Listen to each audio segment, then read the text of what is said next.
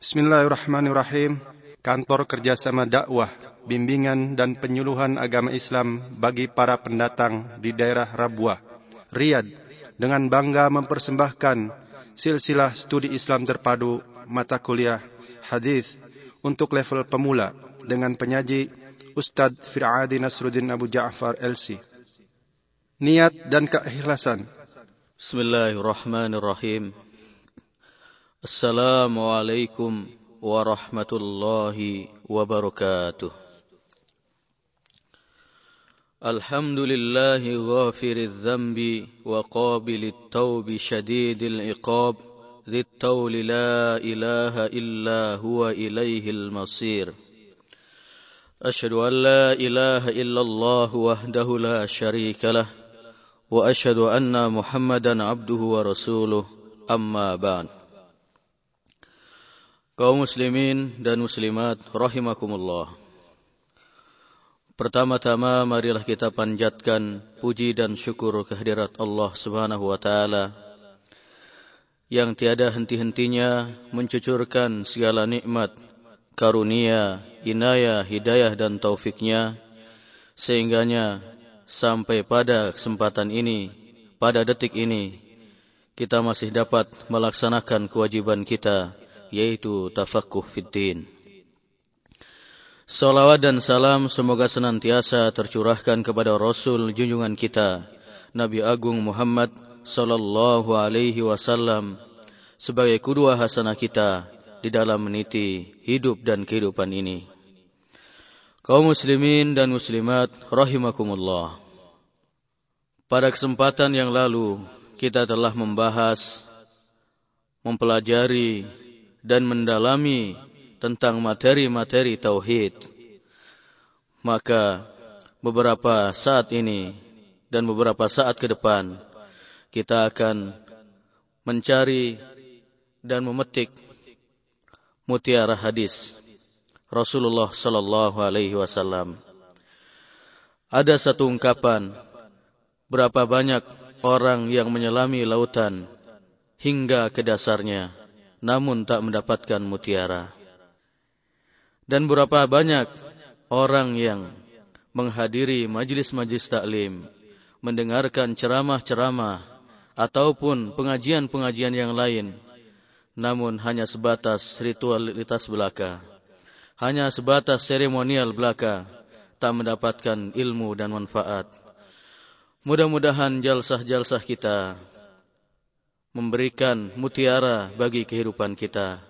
Terlebih pada saat sekarang ini kita akan memetik mutiara-mutiara hadis Rasulullah sallallahu alaihi wasallam. Hadis yang pertama adalah tentang niat dan keikhlasan. An Amiril Mukminin Abi Hafsin Umar bin Al-Khattab radhiyallahu anhu qala سمعت رسول الله صلى الله عليه وسلم يقول إنما الأعمال بالنيات وإنما لكل امرئ ما نوى. فمن كانت هجرته إلى الله ورسوله فهجرته إلى الله ورسوله. ومن كانت هجرته لدنيا يصيبها أو امرأة ينكهها fahijratuhu ila ma hajara ilaih. Rawahu asy-syaikhain. Kaum muslimin dan muslimat rahimakumullah. Dari Amirul Mukminin Abi Hafsin Umar bin Khattab radhiyallahu an berkata, Aku pernah mendengar Rasulullah sallallahu alaihi wasallam bersabda, Sesungguhnya setiap amal perbuatan itu tergantung pada niatnya. Innamal a'malu bin niat. Wa innama likulli imri'in ma nawa. Dan setiap orang mendapatkan balasan sesuai dengan apa yang diniatkannya. Faman kanat hijratuhu ila Allah wa rasulih. Maka barang siapa yang berhijrah demi mencari keridoan Allah dan Rasulnya, fahijratuhu ilallah wa rasulih. Maka hijrahnya kepada keridoan Allah dan Rasulnya. Wa man kanat hijratuhu lidunya yusibuha.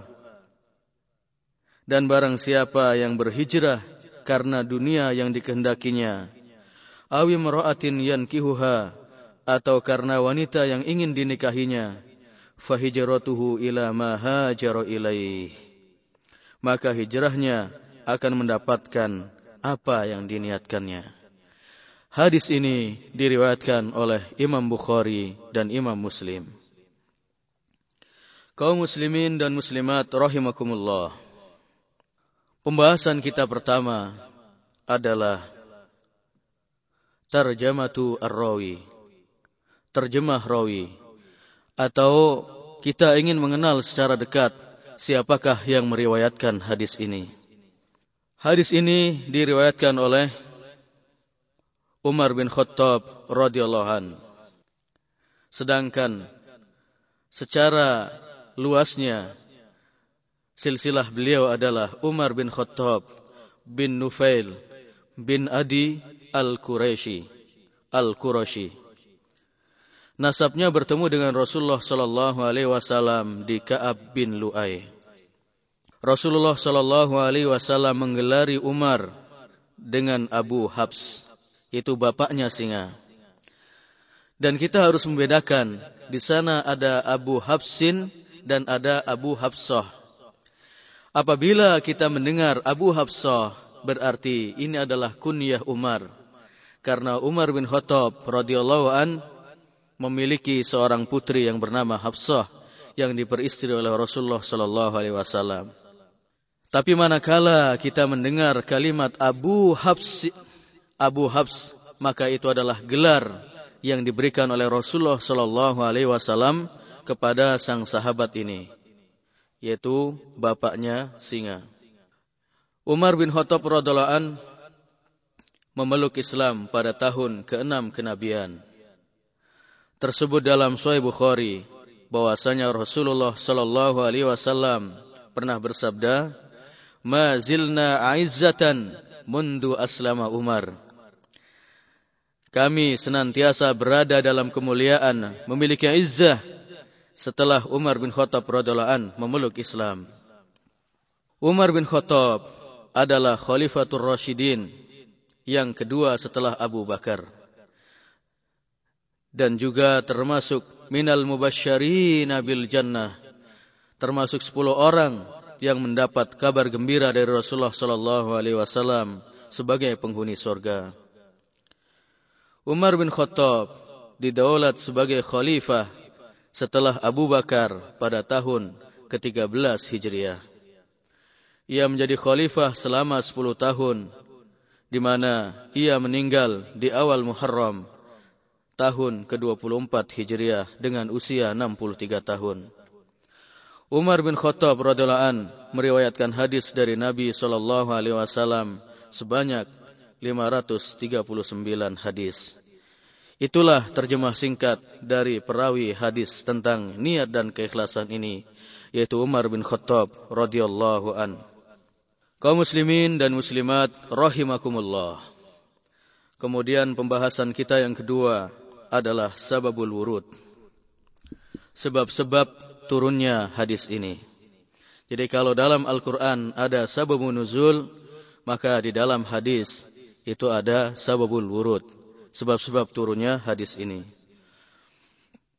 Ibnu Dakik Al-Aid berkata, hadis ini memiliki sababul wurud di mana ada seorang laki-laki yang pernah hijrah dari Mekah ke Madinah dengan tujuan untuk menikahi seorang wanita yang bernama Ummu Qais.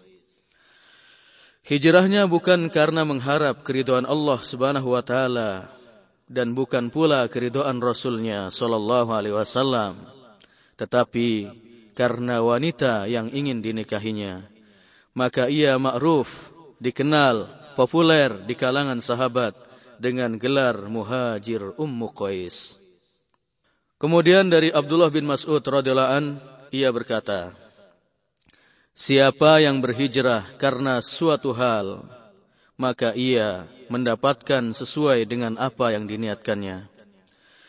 Telah hijrah seorang lelaki dengan maksud untuk menikahi seorang wanita yang bernama Ummu Qais, maka ia dikenal dengan muhajir Ummu Qais. Sedangkan Imam Tabrani rahimahullah meriwayatkan dari jalur yang lain yaitu dari Al-A'mash dengan redaksi yang berbeda di mana Abdullah bin Mas'ud radhiyallahu an berkata bahwasanya berada di tengah-tengah kami seorang lelaki yang ingin meminang seorang wanita yang bernama Ummu Qais. Tetapi ia menolaknya hingga ia hijrah ke Madinah. Maka ia pun hijrah lalu ia menikahi wanita itu Kemudian kami menggelari kepada laki-laki tersebut dengan nama Muhajir Ummu Qais. Kaum muslimin dan muslimat rahimakumullah. Kemudian pembahasan yang ketiga adalah makanatul hadis. Kedudukan hadis ini. Innamal a'malu binniyat. Hadis ini sahih di mana kesahihannya telah disepakati oleh para ulama hadis besar dan agung kedudukannya serta banyak sekali faedahnya. Imam Bukhari meletakkan hadis ini di banyak tempat dalam kitab sahihnya. Sementara Imam Muslim meriwayatkannya di akhir kitab jihad. Hadis ini merupakan salah satu pilar penyangga Islam. Bahkan Imam Ahmad dan Imam Syafi'i rahimahumallah pernah mengatakan bahwasanya masuk dalam hadis ini sepertiga ilmu.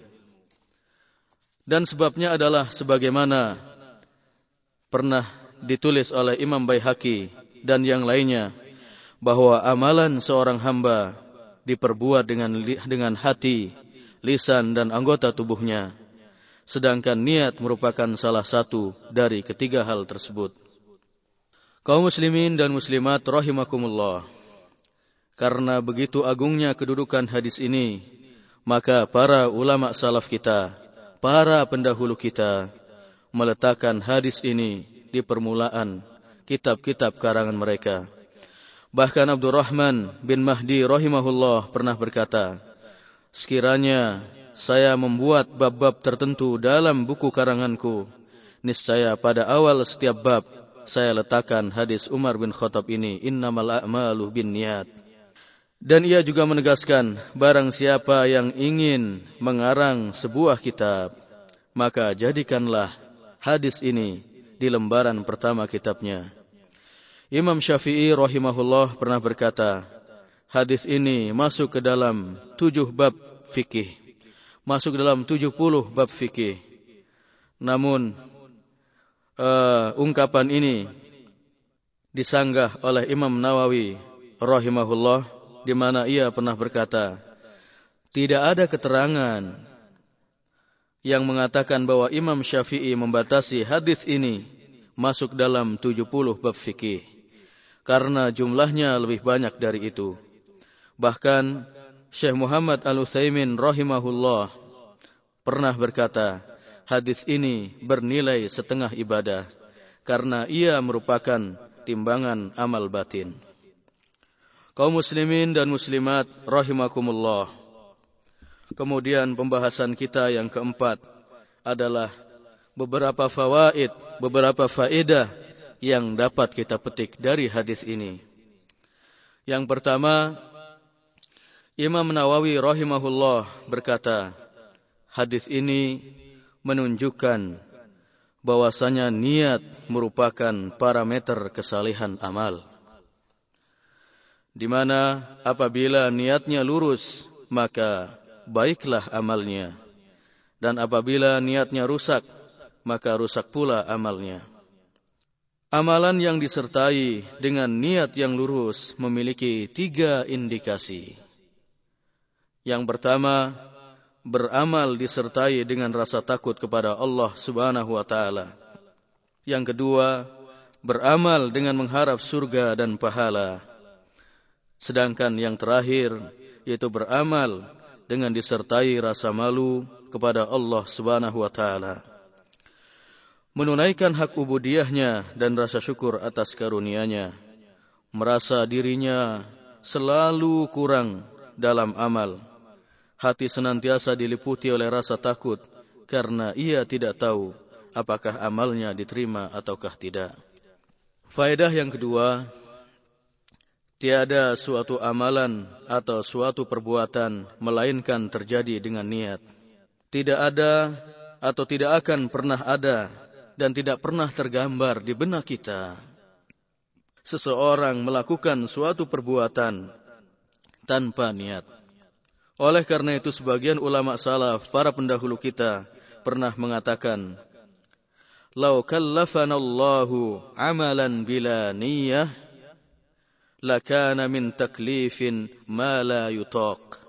Jika sekiranya kita diberikan perintah oleh Allah SWT untuk beramal tanpa niat, maka hal itu merupakan taklif, merupakan perintah dan beban yang tidak mungkin dilakukan.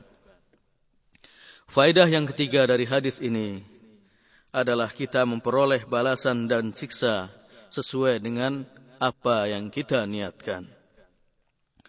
Oleh karena itu, hendaklah kita selalu memperhatikan dan memelihara kelurusan niat kita dalam beribadah, dalam beraktivitas. Di mana kita tidak berniat ketika melakukan suatu amalan terkecuali untuk mendekatkan diri kepada Allah Subhanahu wa taala dan mencari surganya. Faedah yang keempat, bahwa hadis ini menjadi dalil bahwasanya niat termasuk bagian daripada iman. Karena niat termasuk amalan hati, sedangkan iman menurut ahlu sunnah wal jamaah adalah iqrarun bil qalb, diyakini di dalam hati, wa qaulun bil lisan, diucapkan, diikrarkan dengan lisan, wa amalun bil arkan, dan diperbuat dengan anggota tubuh. Oleh karena itu, Imam Bukhari rahimahullah memasukkan hadis ini di dalam kitab iman juga. Sedangkan faidah yang kelima, bahwa kita selaku pendidik, sebagai pembimbing, sebagai pengajar, hendaknya mampu membuat perumpamaan, permisalan, untuk menjelaskan suatu hukum tertentu sebagaimana Nabi sallallahu alaihi wasallam menggambarkan dalam hadis ini dengan hijrah di mana hijrah seseorang mendapatkan pahala atau mendapatkan siksa. Kaum muslimin dan muslimat rahimakumullah. Kemudian faidah yang keenam adalah jika seseorang memiliki niat yang lurus atau ikhlas semata-mata karena Allah dan kesahihan amal, maka Allah Subhanahu wa taala akan menerima amalan-amalannya. Contohnya adalah seorang yang melakukan solat fajar, solat subuh, ikhlas karena Allah mengharapkan surganya. Kemudian solatnya juga mengikuti tuntunan Rasulullah Sallallahu Alaihi Wasallam.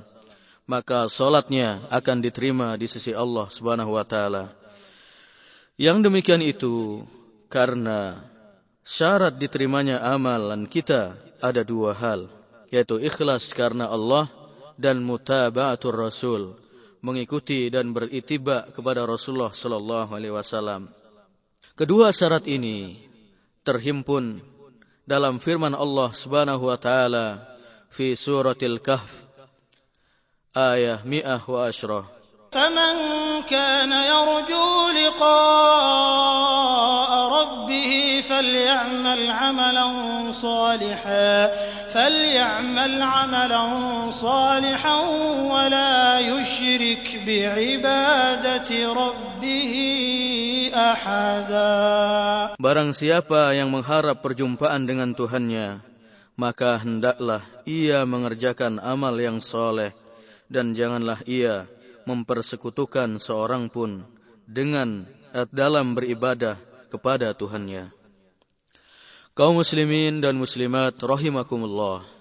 Kemudian faedah yang ketujuh dari hadis ini bahwa seorang muslim mendapatkan pahala dan balasan atas aktivitas duniawinya jika diiringi dengan niat yang lurus.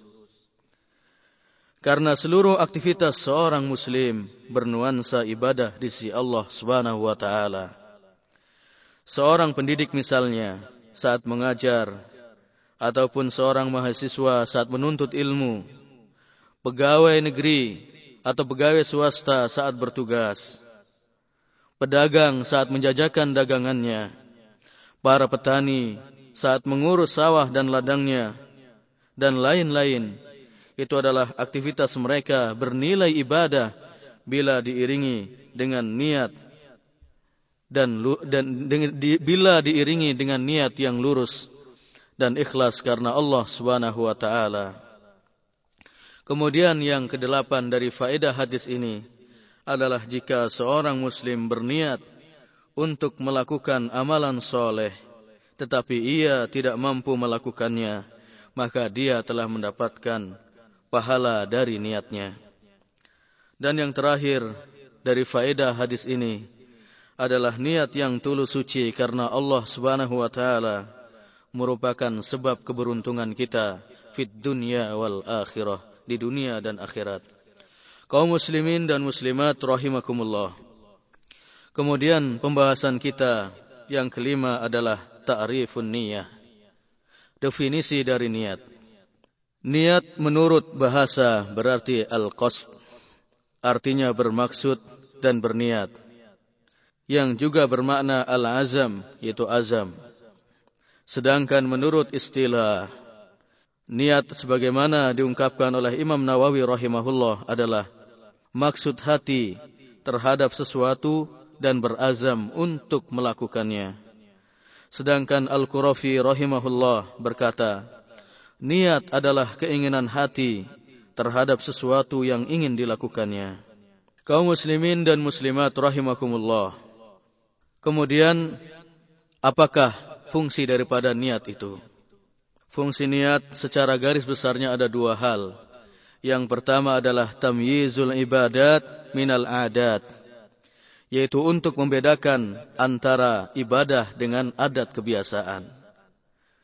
Seperti seseorang yang makan dan minum karena syahwat belaka, sementara orang yang lain makan dan minum karena berniat untuk mengamalkan perintah Allah Subhanahu wa taala fi suratil A'raf ayat 31. Ya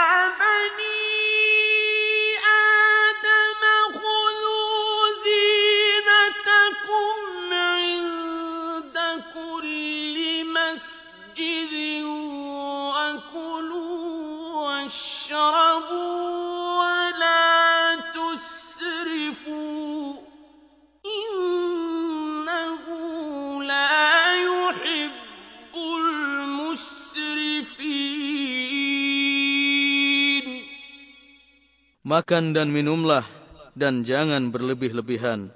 Sesungguhnya dia Allah tidak menyukai orang-orang yang berlebih-lebihan. Maka makan dan minum bagi orang yang pertama adalah sebagai adat kebiasaan belaka, rutinitas belaka.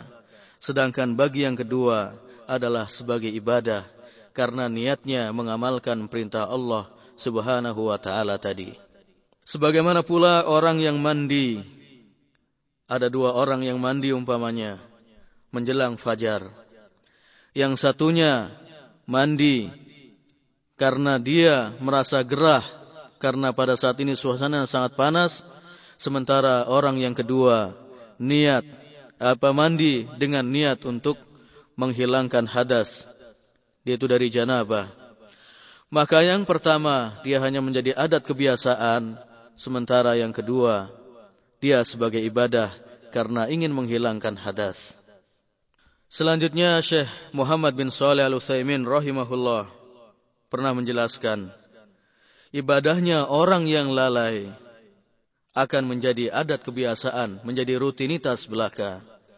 Sedangkan adatnya orang yang terjaga, orang yang bertakwa, orang yang waspada bernilai sebagai ibadah.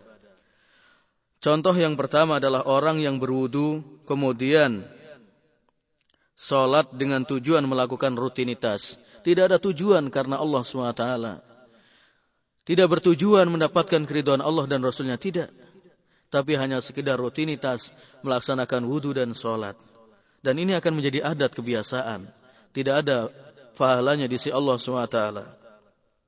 Sedangkan yang kedua, orang yang makan dan minum dengan tujuan melaksanakan perintah Allah Subhanahu wa taala yaitu untuk melestarikan kehidupan dan supaya memiliki kekuatan dalam ketaatan dan lain-lain maka makan dan minumnya yang semestinya hanya sebagai adat kebiasaan tapi bernilai di sisi Allah Subhanahu wa taala sebagai ibadah yang berpahala di sisinya.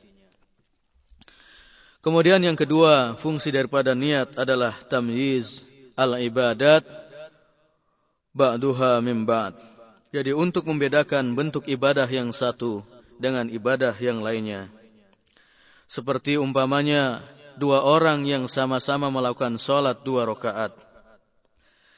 Orang yang pertama melakukannya, itu melakukan sholat dua rakaat dengan niat sunnah tahiyatul masjid. Sementara orang kedua melakukan solat dua rakaat dengan niat melaksanakan solat fardu yaitu solat subuh. Jadi yang pertama dengan niat melakukan solat nawafil, sedangkan yang kedua berniat melakukan solat fardu jelas. Secara lahiriah kedua-duanya melaksanakan dua rakaat, solat dua rakaat, tapi syattana bainahuma Jauh sekali di antara dua orang tadi. Yang pertama, amalannya sebagai nawafil, sebagai sunnah. Sementara yang kedua adalah sebagai fardu, sebagai solat fardu. Dari mana kita tahu? Adalah dari niatnya. Kaum muslimin dan muslimat rahimakumullah. Kemudian pembahasan kita selanjutnya adalah hukum melafatkan niat hukum talaffuz bin niyah. Syekh Nazim Muhammad Sultan hafizahullah menjelaskan bahwa melafazkan niat hukumnya bid'ah munkarah. Karena tidak ada dasarnya dari Al-Quran dan Sunnah. Dan karena asal ibadah adalah at-tahrim, di mana tidak disyariatkan ibadah terkecuali dengan nas atau dengan dalil.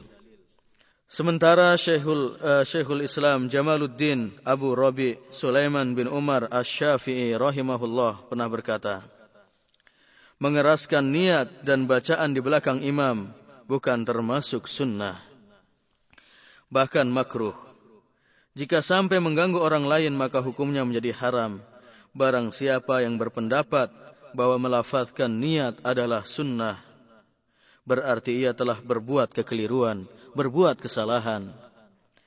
Tidak dibolehkan baginya ataupun orang lain untuk mengatakan sesuatu pada agama Allah tanpa didasari oleh ilmu.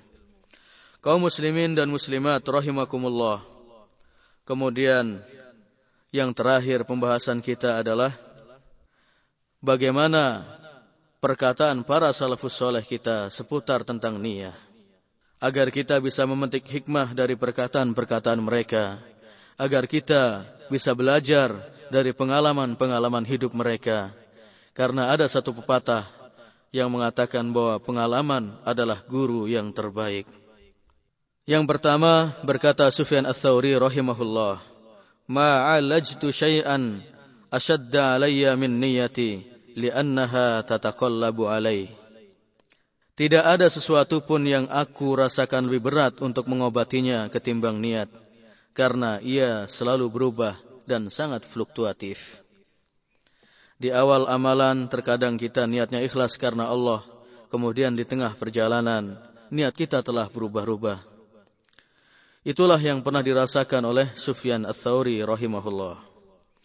Kemudian Syekh Mutarrif bin Abdullah rahimahullah pernah berkata, "Salahul qalbi bi salahil amal wa salahul amal bisolahin niyah.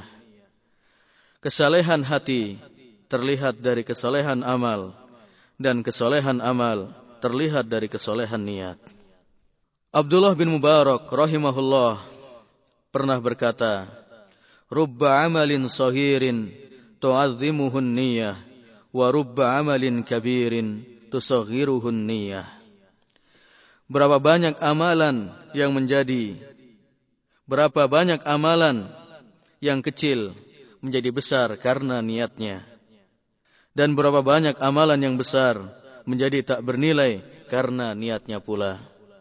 seperti orang yang berjihad adalah amalan yang sangat besar.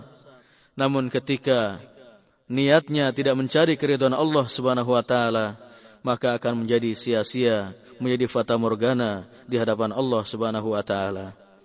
Namun amalan-amalan yang sederhana, bahkan amalan-amalan yang mubah sekalipun, seperti kita menyuapi istri kita, makanan ataupun yang lain, atau kita melaksanakan tugas malam kita terhadap keluarga kita, ketika diiringi dengan niat yang tulus mengharap keridhaan Allah Subhanahu wa taala supaya keluarga kita terjaga iffahnya maka hal itu bernilai di sisi Allah taala sebagai amalan yang sangat besar. Ibnu Ajlan rahimahullah juga pernah berkata, "La yasluhul amalu illa bi thalath. At-taqwa lillah wa niyatul wal isabah."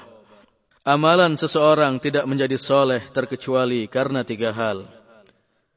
Karena takwa kepada Allah subhanahu wa ta'ala, niat yang baik, dan sesuai dengan sunnah Rasulullah sallallahu alaihi wasallam. Dan yang terakhir, kita mengambil perkataan dari Muawiyah ibnu Abi Sufyan radhiyallahu anhuma. Wallahi inni la ahtasibu naumati kama ahtasibu qaumati.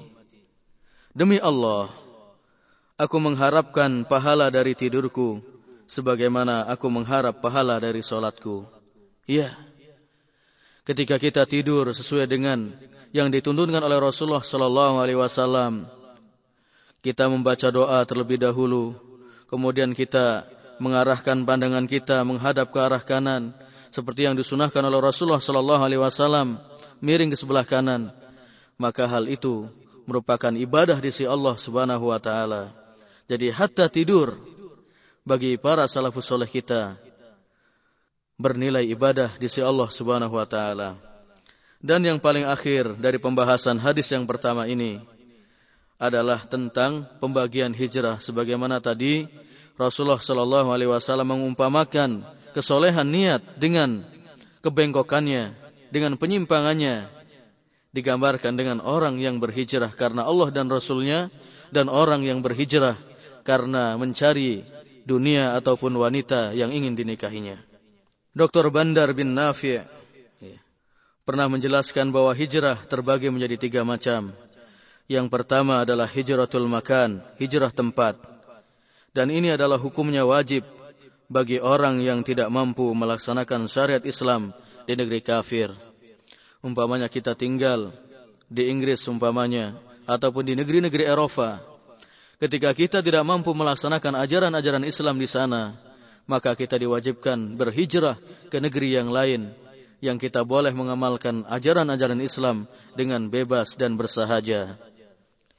Kemudian yang kedua adalah hijratul amal, yaitu hijrahnya seseorang dari maksiat kepada eh, dari maksiat dan dosa kepada ketaatan dan kepada amalan-amalan yang soleh.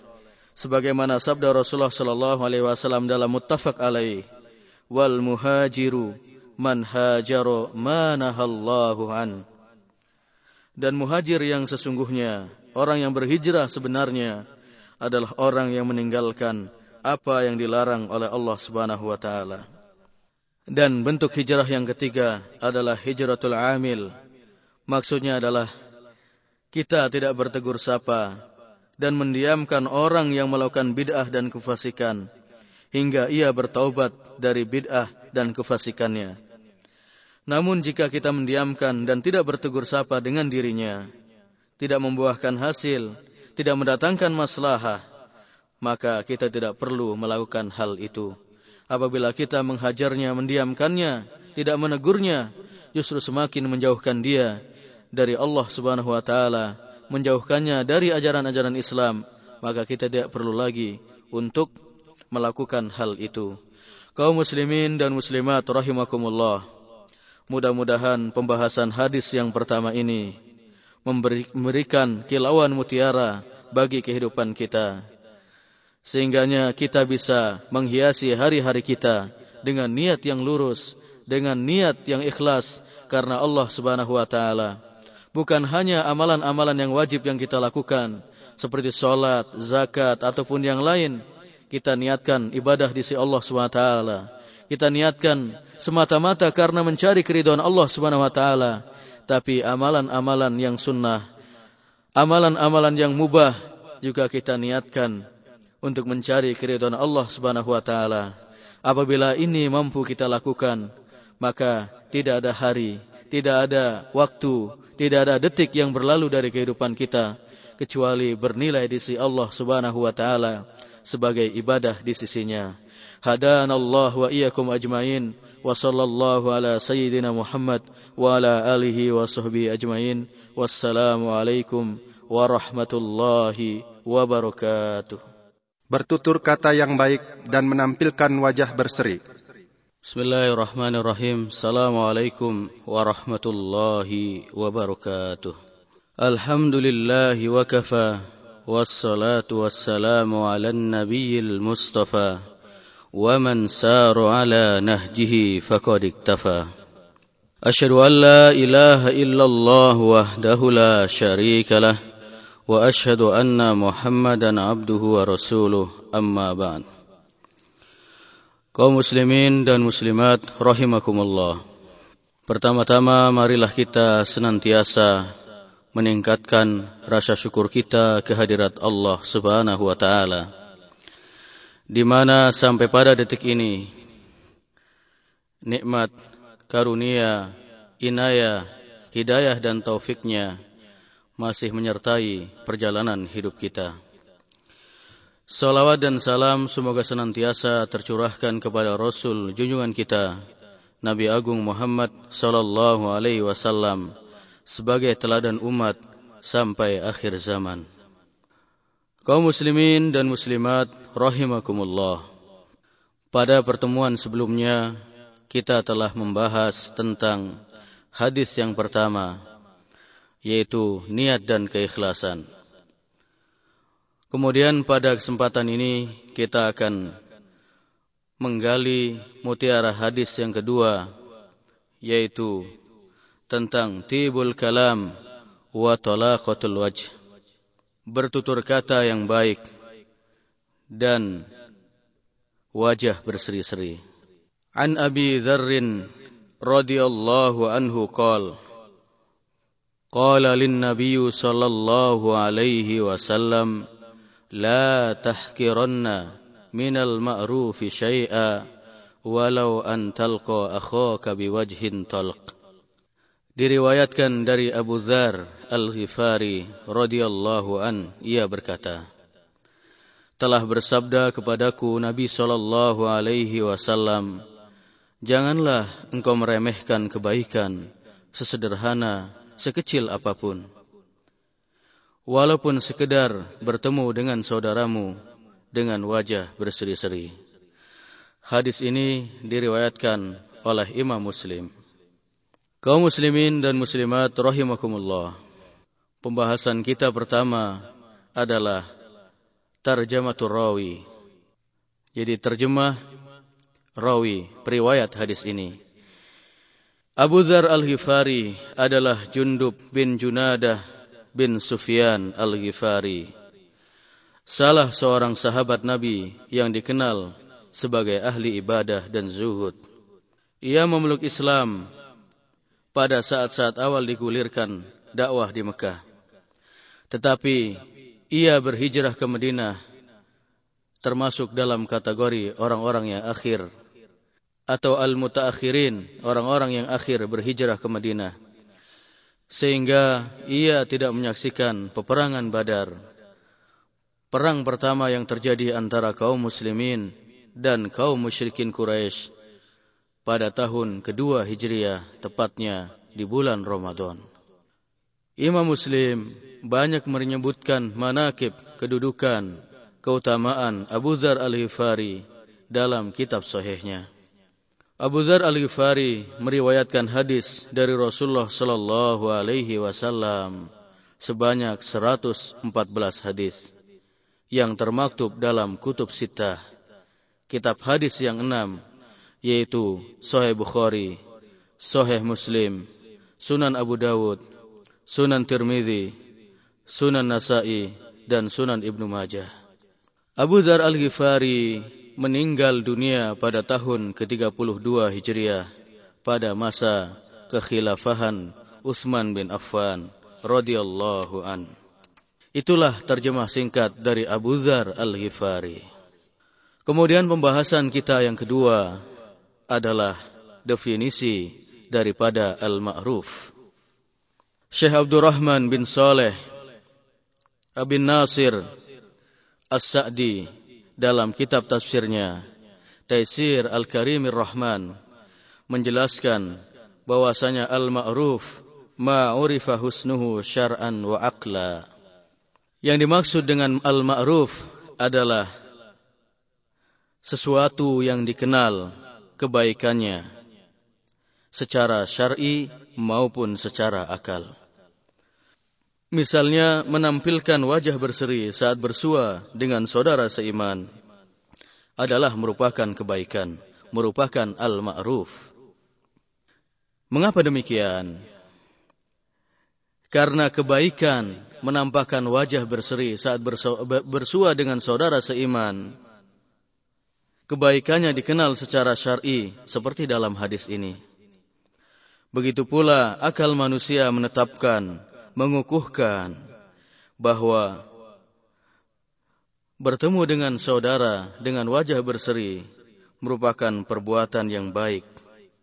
Tidak ada seorang pun yang menganggap bahwa perbuatan demikian adalah perbuatan yang buruk, terkecuali orang yang memiliki akal namun tidak berfungsi lagi, seperti orang yang idiot atau orang yang gila.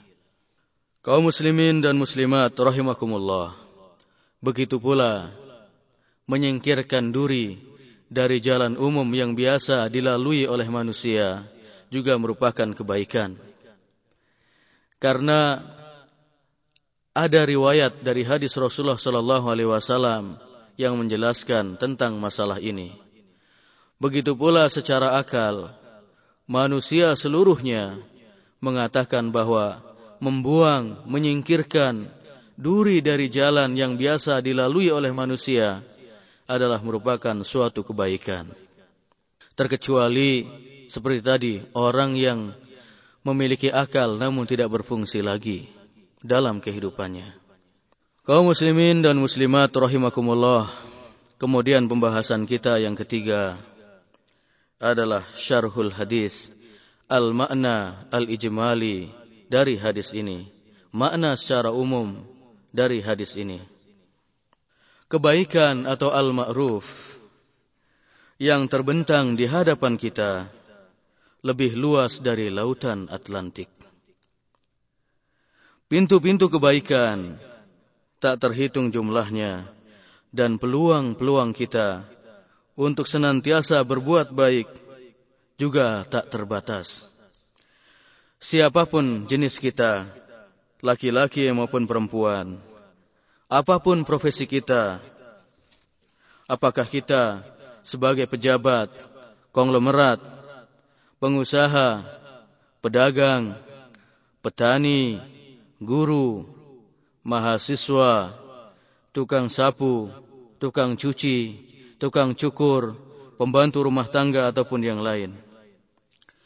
Begitu pula apa pun status sosial kita, entah itu sebagai suami, istri, lajang, bulok, bujang lokal, anak ataupun mertua dan lain-lain.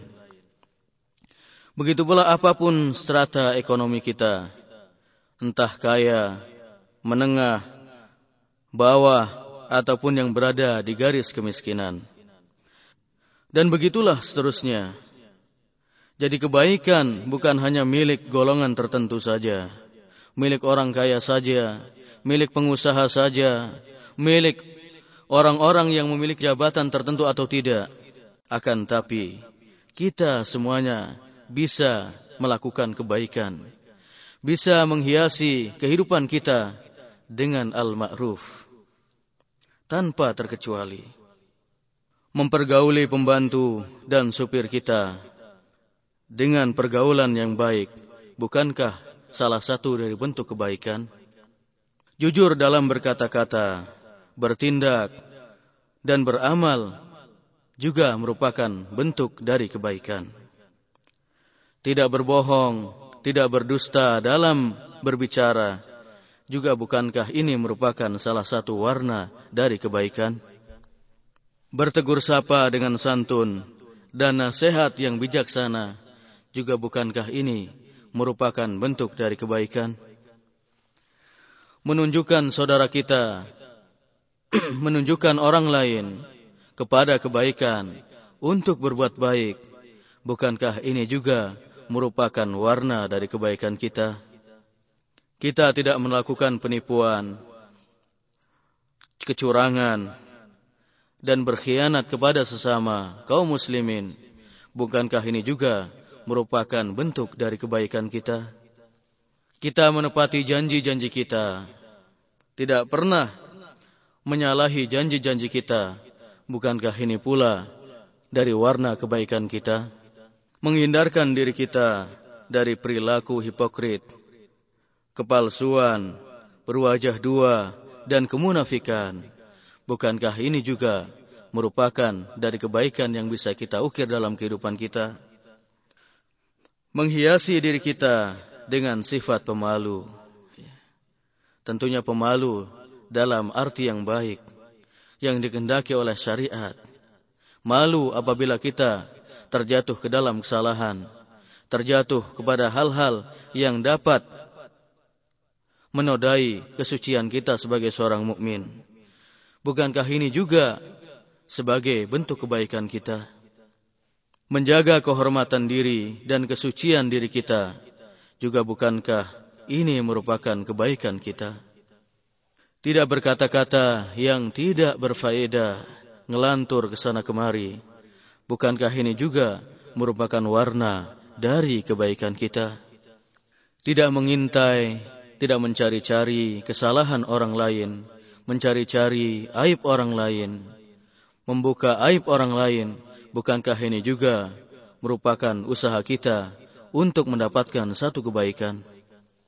Menghindarkan diri kita dari sifat ria, pamer dalam ibadah kita. Kita melakukan sholat supaya ingin dilihat oleh mertua misalnya. Kita memberikan sedekah supaya kita disebut-sebut sebagai orang yang dermawan. Kemudian kita senantiasa berdakwah, beraktivitas supaya orang lain mengatakan kita sebagai dai teladan. Apabila kita menghindarkan diri kita dari perbuatan ria, perbuatan pamer terhadap amal yang telah kita lakukan, bukankah ini juga merupakan kebaikan kita? Kita memberikan penilaian secara objektif kepada orang lain, kepada sesama. Juga ini merupakan kebaikan yang bisa kita lakukan. Tidak menzalimi saudara kita dengan segala bentuk kezaliman juga merupakan kebaikan yang bisa kita lakukan. Berbuat adil kepada orang yang tidak kita sukai, kepada orang yang tidak kita cintai, barangkali menjadi rival kita. Juga ini merupakan bentuk dari kebaikan yang mungkin bisa kita lakukan. Tidak mencela dan menghina orang lain, itu juga merupakan bentuk kebaikan yang dapat kita ukir dalam kehidupan kita. Kita tidak pernah berprasangka buruk kepada saudara-saudara kita. Juga merupakan bentuk dari kebaikan kita.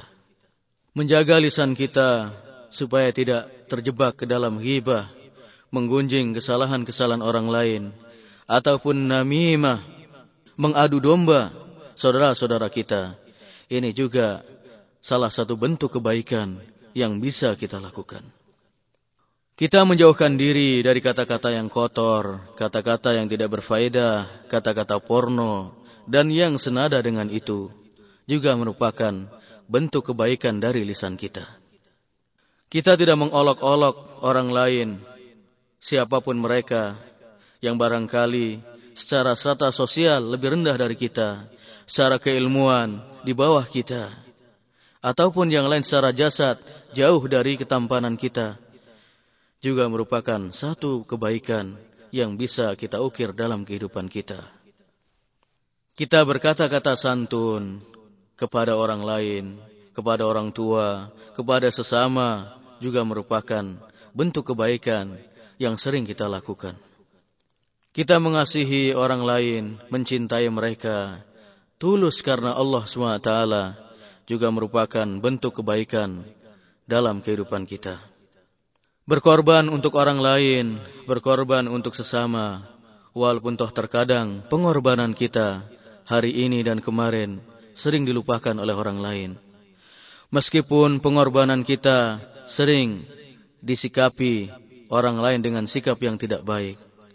Meskipun pengorbanan kita sering dibalas dengan tipuan, tapi kita tetap berkorban dan senantiasa berkorban untuk sesama, untuk orang lain, juga merupakan bentuk kebaikan kita yang tiada taranya. Meringankan beban dan kesulitan orang lain, itu juga merupakan bentuk kebaikan yang bisa kita lakukan kaum muslimin dan muslimat rahimakumullah menjadi insan pemurah, insan pemaaf juga merupakan bentuk kebaikan yang bisa kita lakukan. Tidak menyebut-nyebut pemberian kita kepada orang lain, kemudian tidak menyakiti si penerima, tidak mengungkit-ungkit pemberian kita di hadapan orang lain ataupun di hadapannya yang dapat melukai perasaannya juga merupakan kebaikan kita di hadapan Allah Subhanahu wa taala. Bersikap toleran dan tidak pendendam terhadap kesalahan-kesalahan orang lain terhadap kita, terhadap kekhilafan-kekhilafan orang lain di hadapan kita juga merupakan salah satu bentuk kebaikan yang sangat dianjurkan oleh Islam. Kita menjauhkan diri kita dari sifat iri, dengki, juga merupakan kebaikan bagi kehidupan kita. Karena kita sadar, karena sifat iri, dengki inilah yang menjadikan iblis tidak mau bersujud kepada Adam alaihissalam. Kita juga sadar bahwasanya karena kebencian, karena sifat iri dan dengki yang dimiliki oleh Kabil, menyebabkan ia membunuh saudaranya Habil.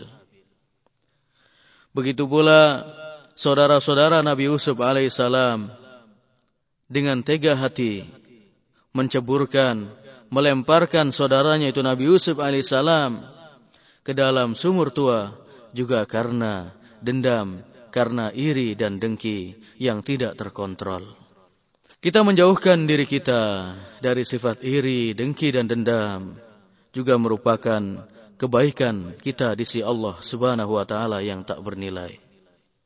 Kita menjauhkan diri kita dari bangga diri, barangkali karena prestasi kita, barangkali karena karir yang terus menanjak, barangkali karena kita senantiasa disanjung-sanjung oleh orang lain, barangkali karena prestasi kita di bidang ekonomi ataupun yang lain. Begitu pula kita menjauhkan diri kita dari cinta popularitas. Kita beraktivitas, beramal, hanya untuk mencari keharuman nama. Apabila ini kita bisa lakukan, kita bisa menghindarkan diri darinya, itu juga merupakan bentuk kebaikan yang dapat kita ukir dalam kehidupan kita. Kaum muslimin dan muslimat rahimakumullah. Kemudian banyak sekali kita melihat orang lain berpura-pura dalam penampilan. Berpura-pura dalam penampilan at-takalluf menampakkan sosoknya bukan dari aslinya.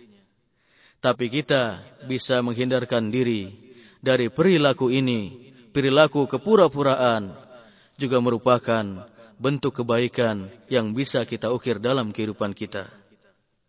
Kita juga menyadari bahwa semua orang memiliki aib, memiliki kekurangan-kekurangan yang ada. Kekurangan-kekurangan yang tidak sedikit.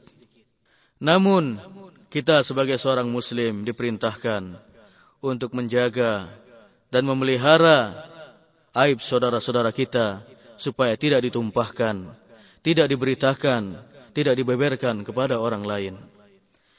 Apabila ini dapat kita lakukan, juga merupakan bentuk kebaikan bagi kita di sisi Allah Subhanahu wa taala. Dengan wajah berseri-seri kita menyambut dan bertemu dengan saudara kita, menghadirkan seolah senyum di bibir kita.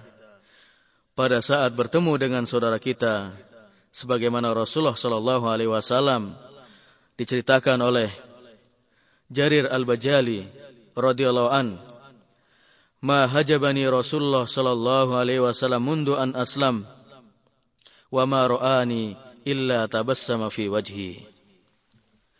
Rasulullah sallallahu alaihi wasallam tidak pernah menjaga jarak denganku setelah aku memeluk Islam dan tidak pernah beliau hadir di hadapanku kecuali dengan tersenyum.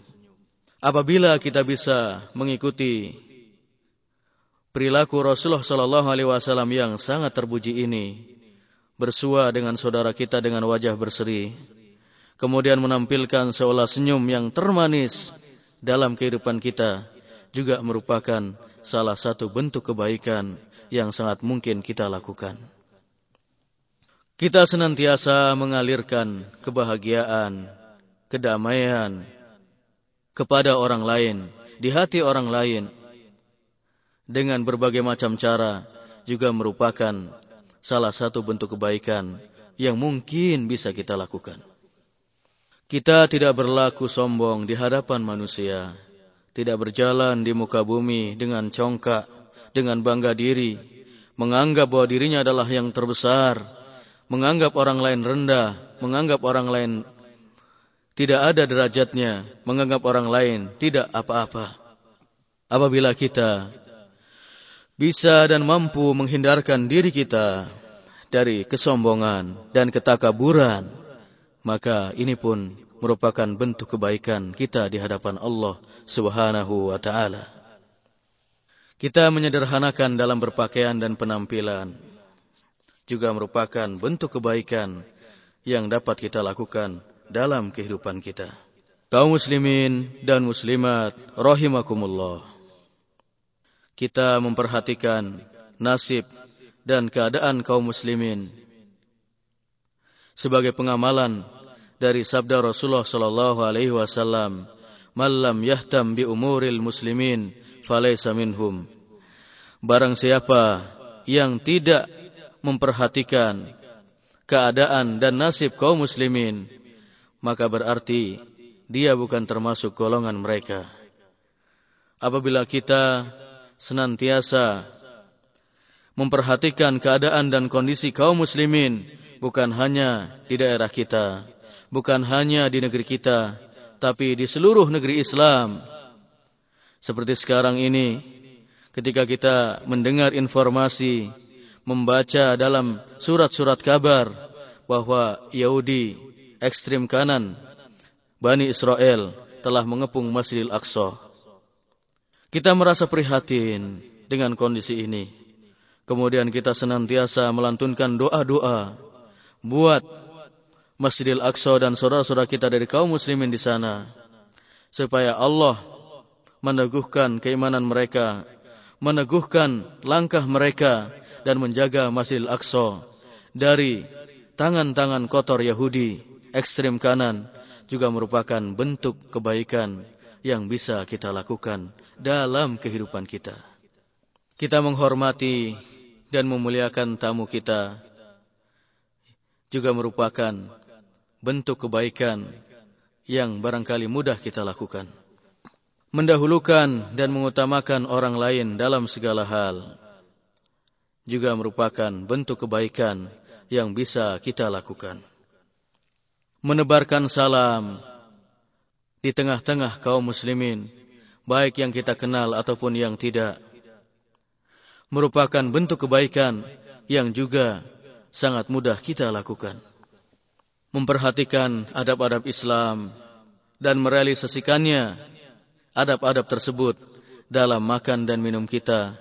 Yang barangkali selama ini, yang barangkali di zaman kontemporer ini, orang sudah mengacu kepada peradaban barat, yang makan sambil berdiri, makan sambil tang eh, pakai tangan kiri, ataupun yang lain.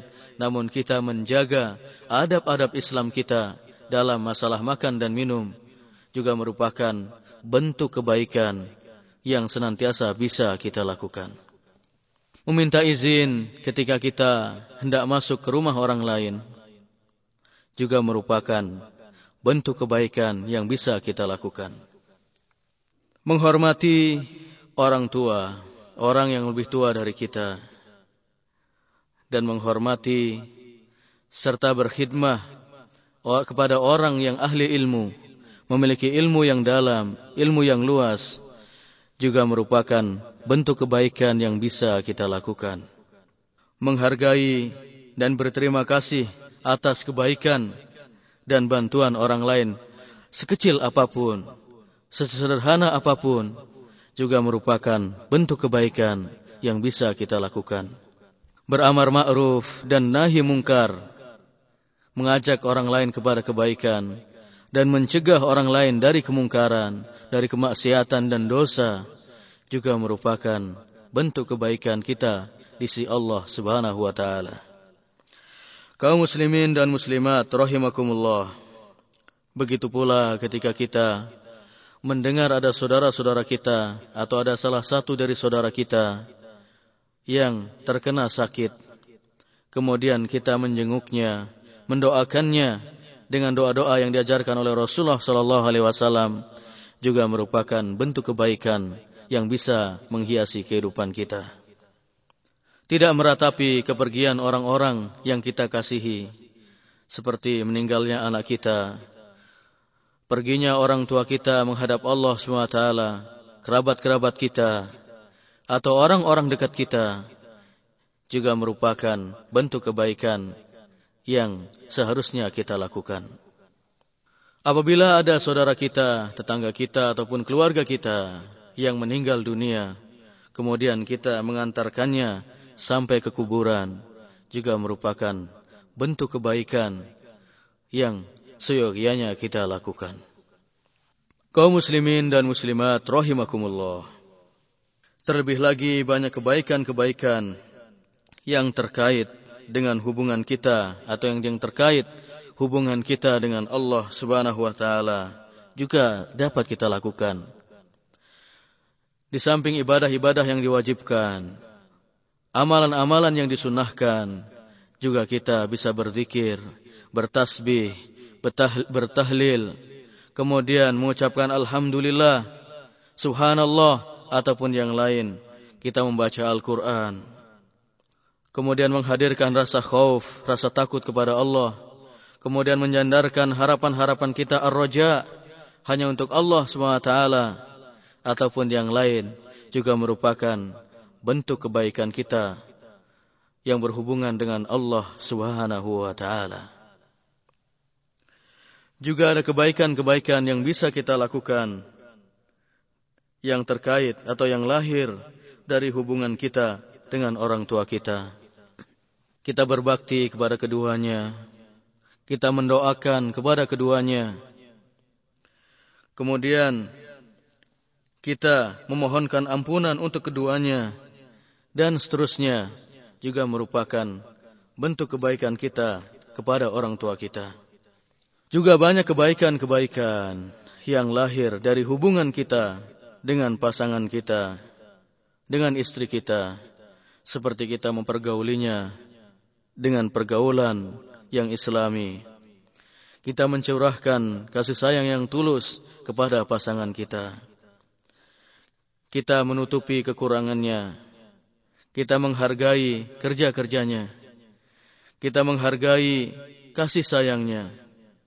Kita menghargai kasih sayangnya untuk kita. Begitu pula kita memuliakan orang-orang yang dekat dengan pasangan kita menghormati mertua, menganggap seperti orang tua kita sendiri, dan begitulah seterusnya kebaikan-kebaikan yang dapat kita lakukan yang terkait dengan pasangan kita. Kaum muslimin dan muslimat rahimakumullah. Di sana juga ada kebaikan-kebaikan yang dapat kita lakukan yang lahir dari hubungan kita dengan anak-anak kita. Seperti kita mendidik dan mentarbiah mereka dengan tarbiyah dan pendidikan yang islami.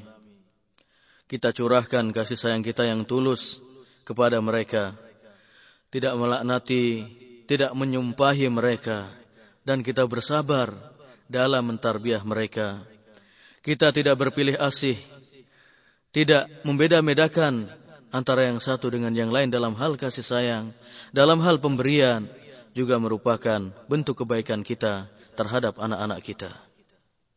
Kemudian masih banyak lagi kebaikan-kebaikan yang bisa kita lakukan yang lahir dari hubungan kita dengan kerabat-kerabat kita, dengan tetangga-tetangga kita, dengan masyarakat ataupun yang lainnya.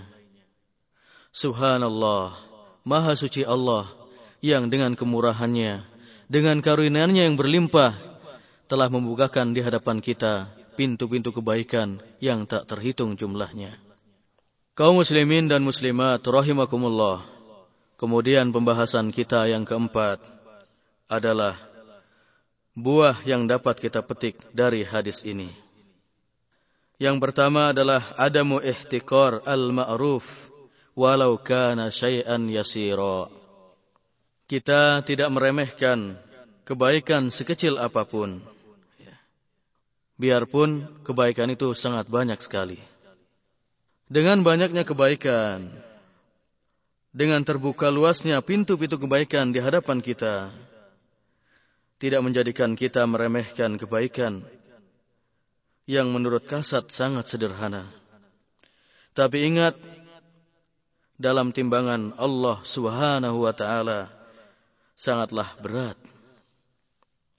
Seperti senyum dan wajah berseri saat bertemu dengan saudara kita. Atau menyingkirkan duri dari jalan yang biasa menjadi lalu lalang bagi manusia Jangan sekali-kali kita meremehkan kebaikan sekecil apa pun. Kemudian faedah yang kedua adalah isti'malul layyin wal basyasah mal ashab. Hadis ini juga menganjurkan kita untuk berlemah lembut dan menampilkan wajah berseri, gembira saat bertemu dengan saudara kita. Jadi sering kita bertemu dengan saudara kita dengan wajah yang muram, dengan senyum yang masam ataupun yang lain, senyum yang pahit. Tapi tidak. Karena hadis ini menganjurkan kita untuk senantiasa tersenyum, menampilkan wajah ceria, wajah yang gembira, walaupun barangkali kita memiliki masalah barangkali menggunung persoalan-persoalan yang ada di benak kita. Tapi janganlah kita membawa saudara kita pada permasalahan kita.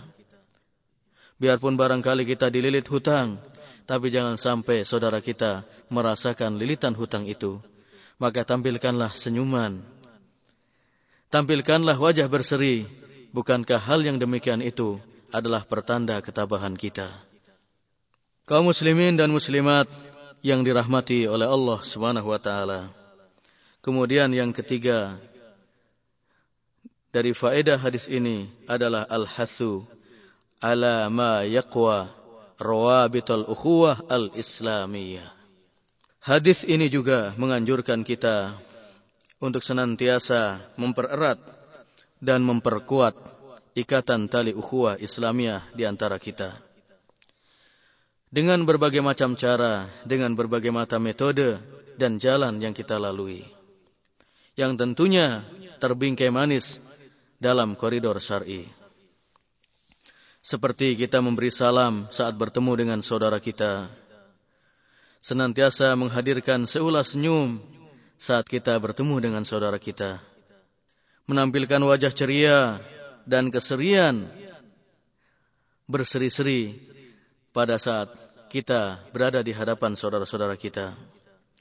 Bertutur kata yang lembut, penuh cinta kasih, memberikan hadiah, kemudian membantu memecahkan permasalahan yang dihadapinya. Tulus dalam memberi, rela berkorban untuknya, dan yang senada dengan itu. Karena hal-hal semacam itu apabila kita lakukan, insya Allah biidnillah dengan izin Allah ukhuwah dan persaudaraan di antara kita akan semakin rekat, akan semakin erat. Seolah-olah kita tidak mungkin akan dipisahkan lagi. Walaupun toh berpisah antara jasad dan nyawa. Tapi kita senantiasa kuat dalam ikatan batin. Senantiasa lekat dalam ingatan kita. Sehingganya doa-doa kebaikan buat saudara kita senantiasa terlantunkan. Kemudian yang keempat, di antara faedah atau eh, menjadi faedah dari hadis ini adalah al-basyashah fi wajhi akhik ma'rufun. Ceria saat berjumpa dengan saudara kita merupakan bentuk dari al-ma'ruf, kebaikan. Ini juga merupakan perlambang kemurahan Islam, di mana banyak sekali kebaikan-kebaikan yang dapat kita ukir dalam kehidupan kita. Dengan mudah, tanpa bersusah payah, tanpa modal dan biaya, tanpa menggunakan tenaga yang banyak, cukup dengan ceria dan berseri saat bertemu dengan saudara kita. Bukan menampilkan wajah yang lusuh, cemberut, kusut, kucel kayak pecel dan lain sebagainya.